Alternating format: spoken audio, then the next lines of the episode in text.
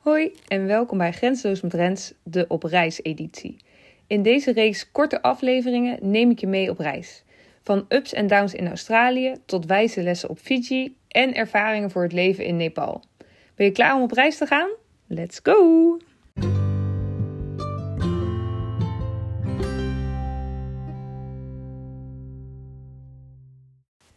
Aflevering 2 van Reisverhalen editie. En vandaag neem ik je mee naar Nepal. Ehm, nadat ik een jaar in Australië was geweest en wat in Azië heb rondgereisd, ehm, ben ik naar Nepal toegevlogen. Ik vloog vanuit Thailand naar Kathmandu. En uh, daar is eigenlijk waar het allemaal begon. En waar dus ook het moment was dat ik echt dacht: holy shit. Dit kan zo voorbij zijn. Als er hier iets gebeurt op dat moment, dan is het gewoon klaar. Maar daarover later meer. Want um, er gaat wel een verhaal aan vooraf. Um, maar ja, het was wel een bijna doodervaring, zoals je kunt zeggen. Um, goed, het startte allemaal in Kathmandu. En oprecht, ik heb nog nooit zo'n drukke en stoffige stad ervaren. Maar tegelijkertijd ook heel relaxed. Het was echt zo'n gekke gewaarwording. Ik was op zich al wel wat gewend van het reizen door Azië, zeg maar, de cultuurverschillen, maar ook de armoede. Maar Kathmandu spande echt de kroon. Het was echt bizar. Ik uh, kwam aan op het vliegveld, heel klein vliegveld. En uh, ja, ik moest naar de stad en toevallig raakte ik aan de praat met ook een Nederlandse backpacker. Dus ze zei, nou, we kunnen wel een uh, taxi delen, want we moesten naar dezelfde niet naar hetzelfde hostel, maar we hadden wel in dezelfde regio van de stad. Nou ja, prima. Dus ik zat in die uh, taxi en ik was allemaal heen aan het kijken. En de wegen zijn gewoon een soort van gravel, ja, gravel road. Dus heel erg hobbelig. En mensen fietsen en lopen overal. Er zijn geen stoepen. Dus alles loopt door elkaar heen. Um, een kind ik keek naar links en daar was in één keer werd een kind even uh, naar buiten gestuurd. En die ging gewoon aan de zijkant van de straat zitten en even zijn behoeftes doen. En ik dacht echt, huh? Dit heb ik nog nooit meegemaakt. Maar aan de andere kant was het ook weer, iedereen was gelijk super vriendelijk. Dus ik denk dat als je van een cultuurshock kunt spreken, dat ik, dat, dat wel de eerste stad was waarvan ik dacht, wow, dit is echt even heel anders dan wat ik uh, eerder heb gezien. Maar daardoor heel erg leerzaam. Um, de eerste twee dagen heb ik uh, een beetje Kathmandu verkend. Ik leerde daar een uh, guide kennen. Um, jonge gast en die uh, had contact met andere backpackers. Dus ik kwam in contact met andere backpackers. En die lieten, ja, die namen eigenlijk mee met dat groepje naar de lokale plekken. Dus dat was heel leuk. En toen zag ik een folder hangen met Soundball Meditation. En ik dacht, wat is dit nou weer? Maar stond gratis bij. En ik was eens een keer een backpacker. Dus ik dacht, gratis? Let's try this. Dus um, ik door de stad op zoek naar... Want het stad, er stond een beetje uitgelegd op dat blaadje waar dat zou zijn. Nou, die stad is één grote chaos. Um, dus ik in mijn eentje op pad zoeken, zoeken, zoeken. En op een gegeven moment kom ik in een straat aan waar markt is. En je moet zeg maar voorstellen dat er gewoon honderd verschillende mensen in heel veel kleuren, want iedereen draagt daar heel veel uh, gekleurde kleding, wat een heel mooi beeld geeft, allemaal door elkaar heen liepen. En toen keek ik naar rechts en toen zag ik in één keer zo'n heel klein bordje Soundball Meditation. Dacht ik, wow, lucky, want deze had ik anders sowieso gemist. Dus uh, daar moest ik vier trappen omhoog. Ik dacht, waar kom ik uit? En daar uh, was dus een klein kamertje waar ze dus die, in het Nederlands is het klankschalen meditatie gaven. En daar kon je, dat kon je, ze wilden graag dat mensen dat ervaarden. Dus dat is echt iets van hun cultuur. Um, dus ik dacht, nou ja, ik wil heel graag als ik ergens ben, alles ervaren. Het is een één groot avontuur, dus ook wat voor hun normaal is, dat wil ik gewoon graag meemaken. Dus ik kwam daar, nou, super vriendelijk, ga maar meedoen. Uh, moest op een matje zitten in, de, in een kleine ruimte. En dan gingen ze geluid maken met zo'n schaal. Dus dan hoor je bong en dan hoor je dat heel lang. Um, nou, dan vertelden ze wat je moet doen. Je moest op je lichaam letten. En dus echt een soort van meditatie. En ik vond het echt heel interessant en super relaxed. Dus ik dacht, wauw, nice. Twee dagen daarna zou mijn vader aankomen in Kathmandu. Dus um, ik dacht, dit gaan we ook samen doen. Dus dat had zo gezegd, zo gedaan. Toen mijn vader aankwam, uh, zijn we daar na het vliegveld gelijk heen gegaan. Want ik dacht, nou, na zo'n lange reis kun je wel even ontspannen. En het was echt zo grappig, want het is niet per se de bedoeling dat je daarbij in slaap valt. Maar dat is dus precies wat er bij ons beiden gebeurde toen. Dus op een gegeven moment werd ik wakker en ik dacht, huh, waar ben ik? Dus ik keek naast me, lag mijn vader naast me. Waren we gewoon beiden in slaap gevallen tijdens die uh, soundball meditation. En ze had ons gewoon laten liggen. Dus uh, dat was zo grappig. Dus ik zei, papa, wakker worden. Dus hij zo, oh, dat was wel heel relaxend. Dus ja, het was zo'n grappige gewaarwording. Um, nou, zo startte eigenlijk onze avontuur in Nepal een beetje. We hebben wat dagen uh, besteed in Kathmandu. En toen zijn we richting de, het Himalaya-gebergte gegaan. Um, nou, dat was het avontuur op zich. Uh, en daar gebeurde dus ook het een en ander. Uh, we gingen met een bus naar het begin waar wij wilden starten. En dat, die busreis die zou... Nou, hoe lang zou die ongeveer duren? Volgens mij misschien zes uur of zo. Alleen het was een nationale feestdag, dus het duurde mega lang. Het duurde drie uur om de stad uit te komen. En die bus, dan denk je niet zo als een Q-line of zo. Nee, die bus, die zat vol met alles wat je maar kan bedenken. Volgestampt met mensen, met zakken eten, uh, dieren. Um, alles zat erbij in. Dus dat was op zich al een ervaring. Maar het was niet erg, het was op zich prima. Want ja, weet je, dat is gewoon het normale vervoer daar. Dus uh, alleen, we hoorden wel de hele tijd als de bus ging remmen, dat die schijven gewoon kapot waren of nou het niet goed deden. En wat gebeurde er dus? Uh, op een gegeven moment kon uh, de chauffeur niet meer op tijd remmen, dus die moest insturen naar links. En toen veegden we vol in de berm. Waardoor we twee uur naast de weg hebben moeten zitten om te wachten. Nou ja, lang verhaal kort. Uiteindelijk duurde het 15 uren voordat we op onze startlocatie aan zouden komen. Daar kwamen we midden in de nacht aan. Dus we hadden geen hostel of wat dan ook geboekt. En toevallig met andere mensen was er een kamer met vrij met vijf bedden. En er waren andere backpackers die, mochten, uh, die zochten ook nog een uh, slaapplek. Dus oké, prima, wij met hun een uh, kamer delen. Dus dat was het al een belevenis op zich. En dan denk je, jeetje, dat was al best wel intens. Nou, het kan nog intenser. De dag daarna starten wij met onze, onze hike. We gingen twee weken lang, um, een, het heet het Annapurna circuit, die gingen we lopen. Um, en dan loop je gewoon van dorpje naar dorpje. En je hebt verschillende hoogtes natuurlijk. En je loopt eigenlijk tot de Torongala Pas. Die is op 5000 meter hoogte volgens mij. Uh, en dan ga je weer langzaam dalen. En dat doe je dus ongeveer 10 tot 14 dagen over. Dus nou, dat, die trektocht, mijn god, niet normaal. Zo bijzonder. Je kwam daar echt bij, uh, net alsof je zelf in een film was. De uitzichten waren fantastisch. Um, er waren kleine dorpjes waar de mensen echt zelfvoorzienend zijn. Um, waar de dieren losliepen, waar de kinderen rondrenden. Je kwam oude vrouwtjes tegen met um, een hele partij uh, gras op hun rug en op slippertjes omhoog. En ik denk echt wel dat ze sowieso 75 plus waren. En dan liep ik daar met, me, met mijn luxe wandelschoenen en mijn rugzak. En dan vond ik het al zwaar. Dat waren echt wel besefmomentjes dat ik dacht: jeetje, je mag echt niet klagen, Rens. Want je hebt, je hebt echt gewoon zoveel luxe dat je eigenlijk niet meer gewend bent dat het ook anders kan.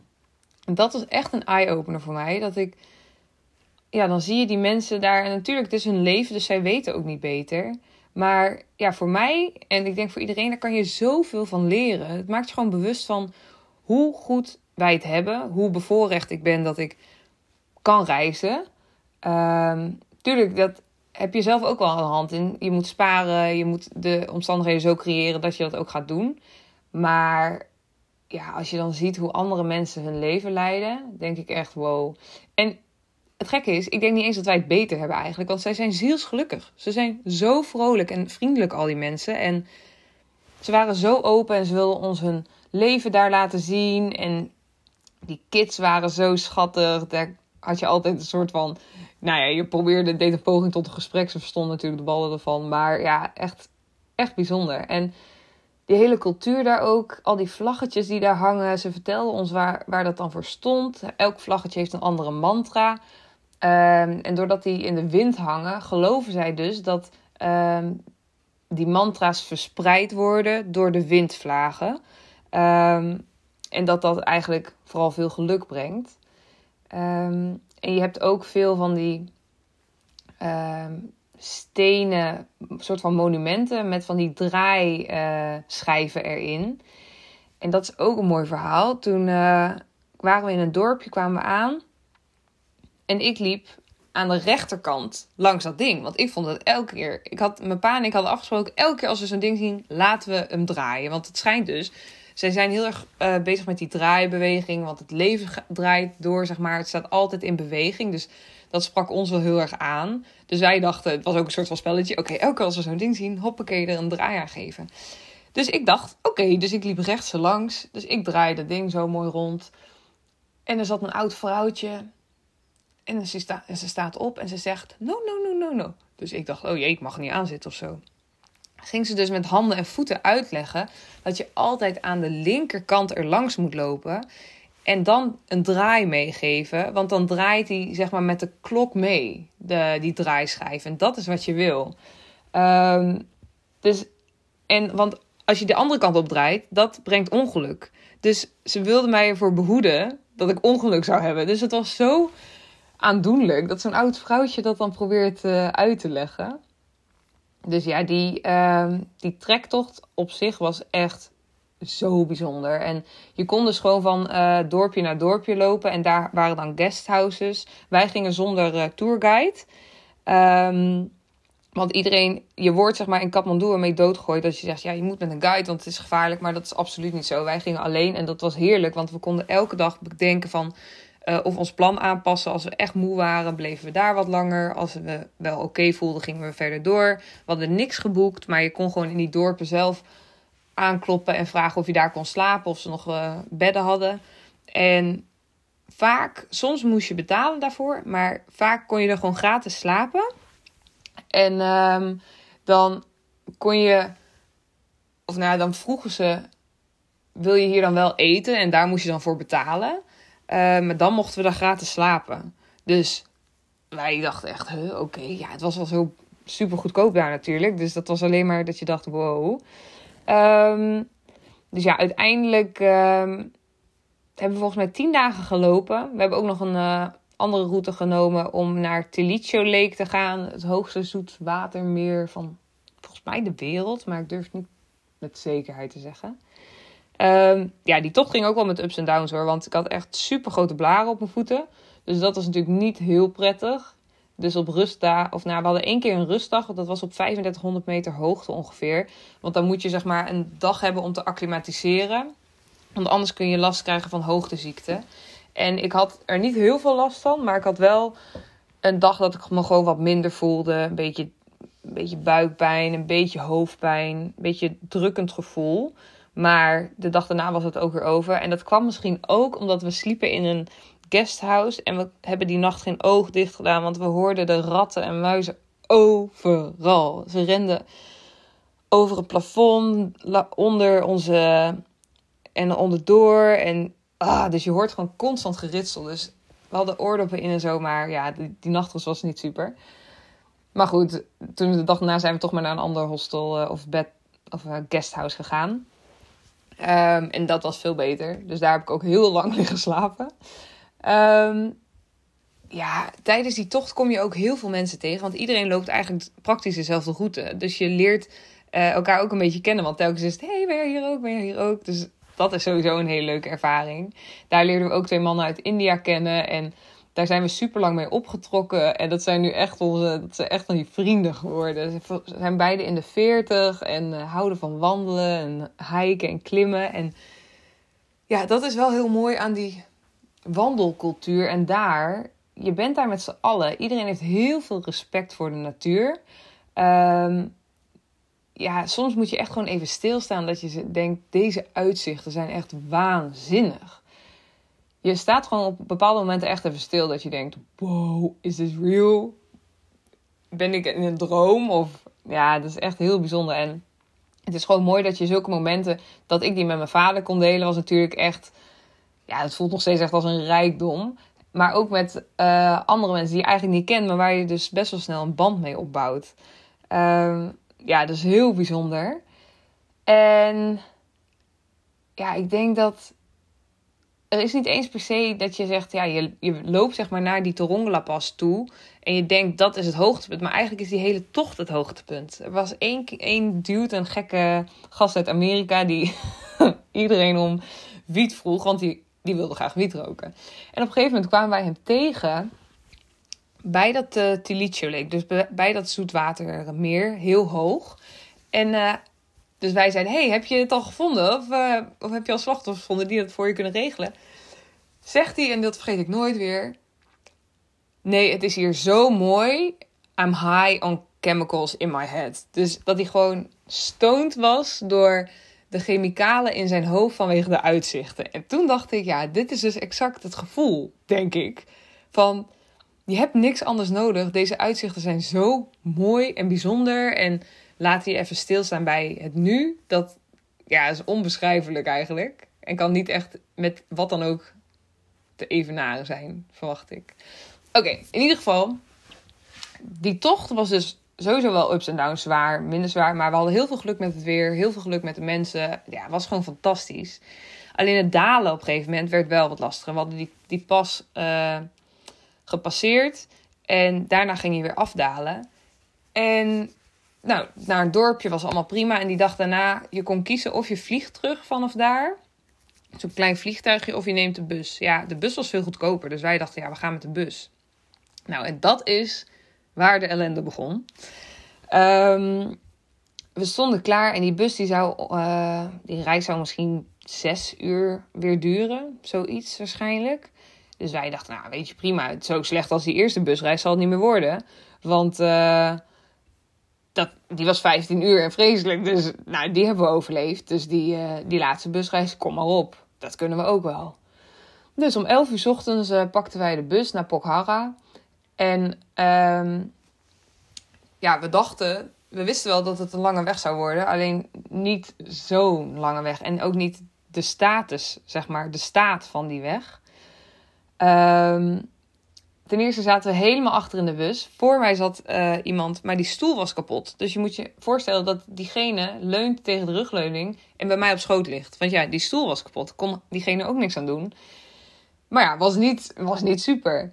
Um, maar goed, we dachten, ja, weet je, uh, zes uurtjes, prima, of zeven uur, whatever, komt wel goed. En toen gingen we dus die tocht starten. Maar ja, we zaten nog best wel hoog in de berg. Dus dan moet je dus naar beneden. En er zijn geen goede wegen. Dus het waren gewoon echt wegen, gravel roads met kuilen erin. Waar je echt dacht, dit, dit, ja, we vallen zo meteen om. En het gevaarlijke was, op een gegeven moment reden we langs het ravijn. En dat was één, één smalle weg eigenlijk. En um, toen kwam er een tegenligger aan. Maar dat kan eigenlijk niet. En ja, tenminste in onze ogen kan dat niet. En hun ogen, die denken, dit doen wij elke dag. Um, maar dus je moet je voorstellen, het is een super hobbelige weg. Als je links uit je raampje kijkt, dan zie je de afgrond. Um, het ravijn met daaronder een rivier. Dus je weet, als je hier, als je nu één keer een steen aanraakt, dan lig je er gewoon naast. En mijn vader en ik keken elkaar echt aan. En we wisten gewoon dat we precies hetzelfde dachten. Dat oké, dit, dit kan zo voorbij zijn. Daar gaan we niet vanuit, maar dit kan wel. Je, soms heb je gewoon dat je. We hebben het niet eens uitgesproken naar elkaar, want we dachten: nee, we gaan dit niet bevestigen. Dit komt goed. Maar het was echt heel spannend. Want ja, je wilt eigenlijk kijken naar buiten omdat de omgeving zo mooi is, maar je weet ook, het kan zo meteen ook gewoon klaar zijn, want deze weg is levensgevaarlijk. Dus dat was echt. Oh, dat was zo zo eng eigenlijk. Dat je, dat je, je probeert je aandacht maar te verleggen. Want ja, je kan ook niet zeggen: Oké, jongens, nee, ik stap uit deze bus. Nee, want dan kom je, kom je niet verder. Ja, of je moet het helemaal gaan lopen. Maar dat was echt nog een heel eind. Dus dat moment was echt dat. Ja, dat je gewoon. Dan voel je gewoon even van: Oké. Terwijl, natuurlijk, die kans dat je. Ik bedoel, als je de deur uitstapt, weet je ook niet of het overleeft. Dat klinkt wel heel rampzalig. Maar dat je echt op, op zo'n punt bent dat je denkt: oké, nou ja, één, uh, nou, vijf centimeter naar links en we liggen eraf. Dat was wel echt een enge gewaarwording. Dus mocht iemand ooit denken: uh, ik uh, ga die wandeltocht doen. Misschien is het handig als je 100 euro meer betaalt voor een vliegticket. Om deze ervaring jezelf te besparen. Um, uiteindelijk duurde die uh, bustocht trouwens 14 uur.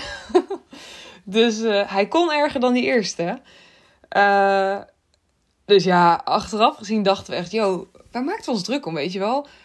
100 euro, waarom koop je niet gewoon een vliegticket? Alleen, ja, wij dachten nee. we hebben die ene busreis overleefd, dus deze overleven we ook wel. Nou, die overleefden we ook wel. Maar dat was, had ook heel anders kunnen aflopen. Dus dat was wel echt oh, spannend. En toen kwamen we aan in Pokhara om één uur s'nachts. En ik was zo kapot dat ik gewoon. We hadden ook nog geen hotel of hostel geboekt. Dus alles wat we maar vonden. We liepen naar binnen en we vroegen: Heb je een kamer hier? Mogen we alsjeblieft slapen? Nou, dat kon. En ik ben gewoon met kleren al op bed gevallen en gewoon in slaap gevallen. Want ik was zo kapot. Zo'n busreis is zo slopend. Ook omdat het natuurlijk heel hobbelig was. Iemand constant op je schoot lag met zijn stoel. en ja, het was echt heftig. Alleen, het brengt dingen ook alweer in perspectief. Want je denkt, yo, wat zijn die 14 uren nou, weet je wel? Uh, je hebt het overleefd en het was prima. Maar op dat moment, als je er middenin zit, dan voelt het gewoon echt zo zwaar. Dat je, zeg maar, nu kan ik best wel relativeren dat ik denk, ja, ja, was prima. Maar op dat moment voelde dat echt niet zo. Ik dacht echt, we gaan niet nog een keer met de bus. Um, want die twee keer zulke helse busreizen, ja, dat vond ik echt wel heftig. Terwijl, ja, weet je, het is maar een kort tijdsbestek. Wat is zo'n busreis nou op je leven, denk je dan? Behalve als het je leven kost natuurlijk. Maar um, ja, het zet je wel weer even met beide benen op de grond van... Oké, uh, zo kan het dus ook. En soms moet je gewoon echt even je eigen grenzen opzoeken. En nou ja, soms voor je gevoel ga je ze misschien wel over. En je moet altijd niet per se bewaken, denk ik, maar wel altijd je grens vinden en zoeken om toch die uitdaging in het leven te houden, maar wel op zo'n manier dat, dat het wel in balans blijft, denk ik. En ja, deze, dit Nepal-avontuur was echt bizar. Zeg maar, je verlegt Tenminste, ik verlegde mijn grenzen door zo'n lange wandeltocht. Ik had nog nooit langer dan 20 kilometer gewandeld, denk ik, oprecht op een dag. En sowieso niet drie dagen achter elkaar. En nu deden we 10 tot 14 dagen lang elke dag gemiddeld 16 kilometer. En dan ook nog stijgen. Dus in alle opzichten verlegde ik mijn grenzen. En naarmate je dat vaker doet, dan wen je eraan. En je krijgt er zo'n enorme kick van. En het is gewoon uh, het leven zit zo vol met avontuur en ja, en challenges. Dus het is zo mooi als je die gewoon daarop afgaat en denkt: ik ga dit gewoon doen en ik ga het proberen. En je gaat op je bek en je gaat weer door. En, maar het, ja, het, is, het leven is gewoon veel te kort om maar binnen je eigen kader te blijven leven. Echt open je ogen. Doe iets waar jij van twijfelt of je dat wel of niet wil doen, maar ervaar het gewoon. Weet je, wat is het ergste dat er kan gebeuren? En ja, dat is denk ik wel echt wat, wat, wat ik heb geleerd ook in Nepal. Het gaat echt om kleine dingen die groot geluk geven. Dus voor mij was dat een wandeltocht maken, um, maar ondertussen zien en ervaren wat voor cultuur daar is en hoe mensen daar leven en hoe gelukkig zij zijn en zelfvoorzienend. En ja, dat geeft mij zelf gewoon zo'n geluksgevoel. En ja, ik denk dat dat echt, dat het leven daarom draait. Je wilt toch gewoon, je hebt, je hebt maar één leven. Dus dat wil je toch ook, zeg maar, zo leven dat je er gewoon helemaal gelukkig van wordt en enthousiast. En ja, ik denk echt dat dat. Uh, Nepal heeft echt een speciaal plekje in mijn hart gekregen. En ik zou daar echt heel graag een keer naartoe terug willen. Ik zou wel de busreizen skippen. Dat wel. nou, dat was uh, eigenlijk wel een beetje het verhaal van Nepal. Ik kan natuurlijk nog heel veel meer over vertellen. Maar ik hou het hierbij. Um, ja, ik hoop dat, het, uh, dat je een beetje hebt kunnen inleven. Een beetje kunt uh, ja, ervaren hoe dat nou precies is. En anders kun je ook kijken op mijn uh, Wow World account op Instagram, de Wow World. Want daar deel ik er weer foto's over. Je kunt ook kijken op mijn website, want daar uh, heb ik een blog erover geschreven met wat meer foto's. Dus dan krijg je misschien net wat meer beelden erbij. Um, yes, dat was hem weer. En tot de volgende keer. Hoi hoi.